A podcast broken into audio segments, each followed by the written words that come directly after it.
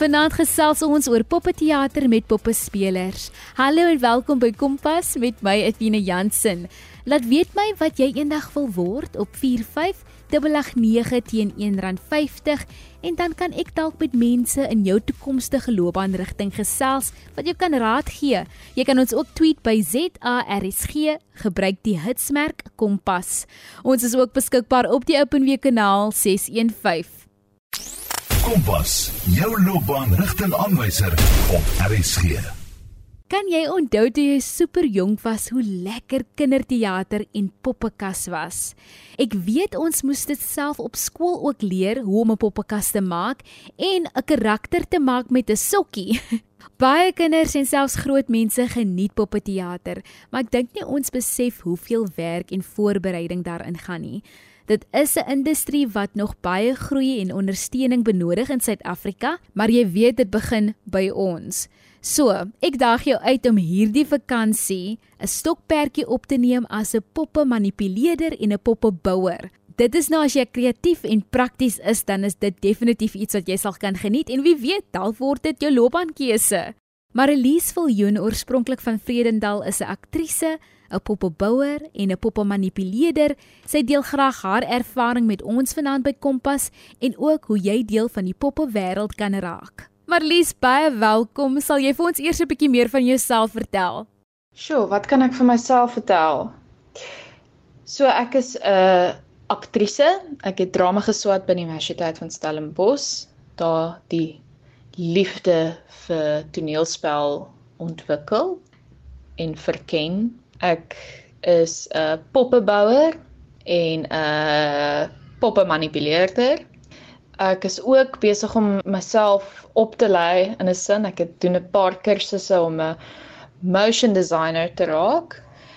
So ek klassifiseer maar myself as soos 'n vryskut kunstenaar. Ek doen probeer maar soveel as moontlik doen in die kunste.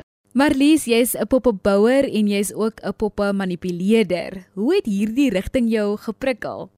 So my liefde vir poppeteater en poppebou het eers na universiteit eintlik gebeur of begin. Ek het 'n geleentheid gekry om aan te sluit by hierdie poppemaatskappy Lucky Packet Plays en ons het kort poppe shows gedoen by so skole of by huise, verjaardagpartytjies wat nogal uitdagend was. Dit was improvisasie. So ons het 'n basis idee gehad van wat ons moet doen in ons storie, maar ons het nie 'n teks gehad nie en dit was vir my aanvanklik ontsettend uitdagend. En toe toe doen ons dit en dit het net al hoe makliker geraak en ek het net begin agterkom, joh, maar ek geniet baie hierdie kunsvorm, poppeteater.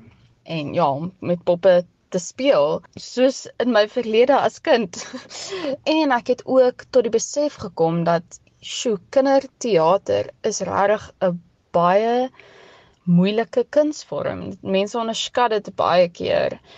Mens kry die geval waar dit nie reg gedoen word nie en dan kom jy agter o, gats, daar's glad nie energie nie en die teks is maar beroerd en so aan, maar ek het ongelooflike kinderteater kunstenaars al ontmoet en hulle leer my nog steeds elke dag van hoe uitdagend dit is om kinderteater te doen. En toe na nou hierdie proses saam met hulle om kinders shows te doen wat ek nog steeds doen by tye, toe het ek saam met 'n vriendin en 'n ander groep mense wat ook nou baie na is aan my hart toe nou op die ou ende 'n besigheid begin, The Loft Puppet Company En ja, dit was ek en Elisha Zeeman Knussen en Andri Kogosen en Anushka Kreer en Jaco Beileveld en Talita Bail en Mandri Sutherland. En sommige mense het soos bygebly en sommige mense het vasgebyt tot die einde toe. Maar op die einde het ons maar besluit dit gaan dalk nie so goed werk nie omdat ons ja ons het net nie genoeg geleentheid gekry om stukke te doen nie. Maar wat nou wonderlik was van the Loft Puppet Company is ons het vir onsself uitgedaag om ons eie poppe te bou, ons eie tekste te skryf, om aansoek te doen vir feeste, om aansoek te doen vir enige befondsingsprogram en so het ons geleenthede gekry en so het ons ook vir onsself gewys maar dit is die onmoontlike is moontlik. en ek dink daai het dit eintlik begin, die liefde vir poppeteater en ek is tot vandag toe ongelooflik dankbaar vir daai proses saam met daai kreatiewe, passievolle mense. Maar nou toe na die besigheid toe ek nog steeds maar geleentheid gesoek om poppe te bou vir mense en toe ek nou so kans gehad om vir verskeie mense weer poppe te bou en ek hoop met hierdie program is daar iemand wat ook poppe wil hê. Ja, so dit is waar die liefde, die prikkel plaasgevind het. Hoe het jy geleer om poppe te maak, Marlies? Ek het poppe leer maak deur YouTube, Pinterest en Instagram. Ja, sosiale media het regtig nogal my baie gehelp en platforms soos YouTube regtig nog steeds as ek ooit sukkel met 'n uh, ontwerp, ja, met enige styl, dit is die beste plek om te gaan soek en jy sal vind. ja, so ek het ek het so begin poppe leer bou. Jy is ingeskakel by Kompas met my Etienne Jansen. Ons gesels oor poppeteater. Het jy enige wenke aan poppespelers soos jouself? Sjoe, as ek nou enige wenk het vir enigiemand wat sal wil poppe manipuleer of graag in die kunsvorm wil beweeg, een ding wat baie belangrik is, is dat jy moet lief wees daarvoor. Jy moet regtig vir baie lief wees daarvoor want dit is soms baie rof op jou liggaam en jy moet op die vreemdste maniere kan beweeg en die vreemdste maniere kan jouself sit sodat hierdie pop kan lewendig bly. So dit is 'n baie belangrike ding. Die oomblik wanneer jy begin besef, mm, dis nie lekker hoe my liggaam voel nie en ek voel nie regtig asof ek hierdie deur wil gaan nie, dan is dit dalk 'n goeie teken dat jy dit dalk nie moet doen nie. Want daar's 'n ongelooflike ervaring wanneer jy dit regkry om 'n pop lewe te gee. En ons het een keer, ons het 'n klein puppet show gedoen by 'n fees en ons het so ons klomp shows oor en oor gedoen en toe die een keer, toe doen ons 'n show en ons so een dogtertjie en sy gaan sit en ons doen die show vir haar en sy sit en kyk en kyk en kyk en sy ja, sy kyk toe dan die hele show en toe na die tyd toe kom die na die ma na ons toe en sy sê sy kan nie glo wat sy nou gesien het nie. En ons is is wat wat wat, wat dit is 'n poppekas. en toe sê sy nee, haar dogtertjie sukkel so om stil te sit. Sy kan regtig nie stil sit nie. En sy het nou vir basies vir 20 minute, 20 na 30 minute stil gesit en die heeltyd gekyk. En daai ervarings is dis magies. So belangrike wenk, jy moet lief wees daarvoor. Is dit moeilik om te fokus wanneer jy moet praat en jou hand beweeg en natuurlik ook 'n toneel moet lees? Afhangende van pop tot pop kan dit afwissel hoe moeilik dit is of nie. Soos daar's sommige poppe wat jy net die mond hoef te beweeg, dan dan is dit eintlik lekker want jy het beheer oor hierdie een gedeelte. Maar wanneer daar nog goed bykom, dan raak dit 'n bietjie meer moeilik. Maar met oefening raak dit makliker. Dis die ongelooflike ding van poppe is dat jy kan werklik deur oefening dit regkry om 'n pop te manipuleer daar's enkele reëls wat jy moet kan volg en wanneer jy agter in jou kop het, dan is dit regtig 'n kunsvorm wat baie mense kan uitprobeer. Marlies, het jy opleiding in poppeteater en dink jy iemand moet opleiding eers kry om poppeteater te kan doen? Ek het nie opleiding in poppeteater regtig in die sin van dat ek gaan studeer het om poppeteater te doen nie. Ek het eers na universiteit dit begin oefen en so maar my ervaring gekry. Ek dink dit is regtig moontlik om so poppeteater te doen. Ek moet sê dat die opleiding in die drama het baie invloed gehad op my liefde vir poppeteater. So ek dink ervaring, ervaring is maar die beste manier om vir jou te laat leer, ja, om verskillende goed te doen. en dit was toe nou maar vir my poppeteater en ek het gesorg dat ek tussen klomp kreatiewe mense is.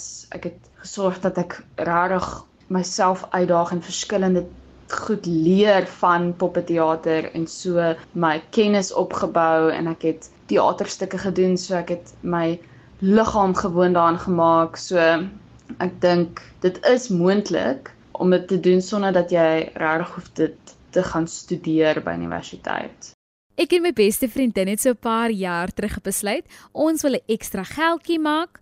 Dis skryf ons 'n kinderteater toneelstuk. Ons koop kostuums, gesigverf en bemark onsself as die kunstenaars vir partytjies of selfs kerkbazaars. Ek dink dit was die beste idee nog. Die kinders het dit so geniet en ons het gespeel met die tema superhelde. So natuurlik wou hulle Spider-Mans en Batmans en prinsesse wees, ander wou 'n hartjie of 'n skoenlapper op hulle wang hê. Dit was regtig ongelooflik lekker, maar ook harde werk. Nou dit is vir my maklik om kinderteater te doen, maar ek dink nie ek het wat dit verg om poppe te manipuleer of poppe te bou nie.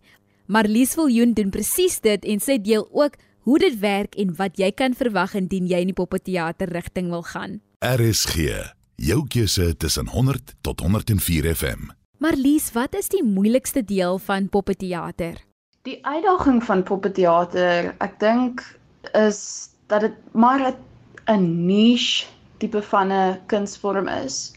So dit is nie regtig iets wat baie skare aantrek nie. So die uitdaging is dat dis baie moeilik om 'n lewe daarvan te maak. Ek bou poppe en ek manipuleer poppe, maar ek het ook ander werke rondom dit om my lewe te sustain. So dit kan 'n uitdaging wees. Wat geniet jy die meeste wanneer jy 'n rol vertolk met 'n pop? So wat ek die meeste geniet van om poppe te manipuleer. Ek dink ek geniet dit om te sien hoe jy iets leweloos kan vat en dit lewe gee. Dit is regtig vir my ontsettend genotvol. Ek ek vind dit baie snaaks en fascinerend. So ja, dit is wat ek die meeste geniet van poppe manipuleer. Daai ja, absurditeit daarvan. En dan die tweede ding natuurlik is die gehoor. En kinders is so fantasties. Hulle kan so hulle self lewe in 'n in 'n storie. Ja, ek het al magiese ervarings gehad met kinders hoe hulle reageer en hoe eerlik hulle is. Het jy enige mense wie jou inspireer in die poppeteater industrie? Ja, wel inspirerende poppeteater in ons industrie is definitief Handspring Puppet Company en dis ongelooflik wat hulle al uitgerig het. Nie net in Suid-Afrika nie, maar oor die hele wêreld en hulle poppe is ontsettend mooi en elke keer doen hulle iets baie interessant met hulle poppe. Daar's altyd 'n interessante materiaal wat hulle gebruik. Daar's altyd 'n amper deursigtigheid wat deel vorm van die poppe wat so ek wil nou sê enchanting is. Ek kan nou nie aan die Afrikaanse woord kom nie, maar ja, definitief Handspring Puppet Company. Dink jy poppeteater is iets wat al in die skoolkurrikulum bygevoeg moet word soos byvoorbeeld die vak drama? Ek dink definitief poppe kan deel vorm van die drama vak op skole. Ek dink dit is 'n baie verbeeldingryke kunsvorm. Dit daag jou uit op soveel verskillende maniere en dit beoefen jou verbeelding wat so belangrik is en so nodig is vir mense se selfvertroue en vir jou om regtig enige iets te gaan doen is om jou verbeelding te versterk en poppeteater is definitief 'n kunsvorm wat dit sal help. Watter voordele is daar vir akteurs en aktrises wat poppeteater doen? Dit is soms belangrik om jouself ander kunsvorme te leer en poppeteater is definitief 'n goeie opsie. Daar's soveel ooreenstemmings tussen toneelspel en poppeteater omdat jy 'n karakter speel, jy jy ontwikkel 'n nuwe karakter. En soms is dit goed om uit jouself uit te kom en te sien wat hierdie voorwerp is wat jy gaan lewe gee. So ek dink definitief dit is voordelig om die kunsvorm te leer as jy ook toneelspel doen. Jy luister na Kompas op RSG. Marlies, wat is jou hoop vir die toekoms van die poppeteaterindustrie? Ek hoop dat poppeteater weer deel kan vorm van opwinding. Ek wil hê mense moet weer besef hoe 'n fantastiese kunsvorm dit is, hoe 'n vermaaklike kunsvorm dit is en dat dit soveel geluk eintlik kan gee aan soveel mense. En dan om af te sluit, wat is jou hoop vir jong mense van Suid-Afrika? Ek hoop hulle is sag met hulle self. Hulle daag hulle self uit. Hulle is braaf en hulle leer wysheid. Hulle wil leer. Ek hoop vir jong mense van Suid-Afrika dat hulle hulle self uitdaag om te leer en te leef en hierdie wêreld kan ervaar met alles binne in hulle dit is wat ek hoop. Dit was Marlies Viljoen, 'n vryskut kunstenaar wat haarself elke dag opskerp om die beste in haar kuns te wees. Baie dankie vir die insig Marlies en ook die wenke vanaand. Ons volgende gas se stem sal dalk vir jou bekend klink hier op RSG, want sy is deel van die radiodramas hier. Ilanza Swart is ook 'n aktrise wat graag rolle in kinderteater, poppeteater en natuurlik radioverhale vertolk. Sy deel kortliks met ons haar ervaring. Hallo Athena. Dit is baie lekker om met jou te gesels oor poppe en hoe wonderlik hierdie kunsvorm is. Ek het soos baie ander mense groot geword met poppekas by die kerk en by Sondagskool en jy kon jouself heeltemal verloor in hierdie verhale en karakters wat geskep is in die stories wat vertel is en die lessies wat geleer word, selfs al weet jy dat daar mense agter die poppe is. Ek het later by die Universiteit van Stellenbosch onder leiding van Dr Petrus de Pre 'n liefde ontwikkel vir manipulasie van poppe en dit was vir my so fascinerend om te sien hoe lewelose voorwerpe lewendig kan word in die manier hoe hulle beweeg word. Die kleinste beweging kan so baie sê. In 2011 en 2012 het ek gewerk vir Interactive Productions waar ons produksies soos Haastas en Niskas, Babelela en selfs Willie Wali op die planke gesit het met poppe. En dit is wat ek geleer het van stemmanipulasie. Hoe om 'n bestaande karakter na te maak en ook tot wat mense stem in staat is om 'n karakter te skep.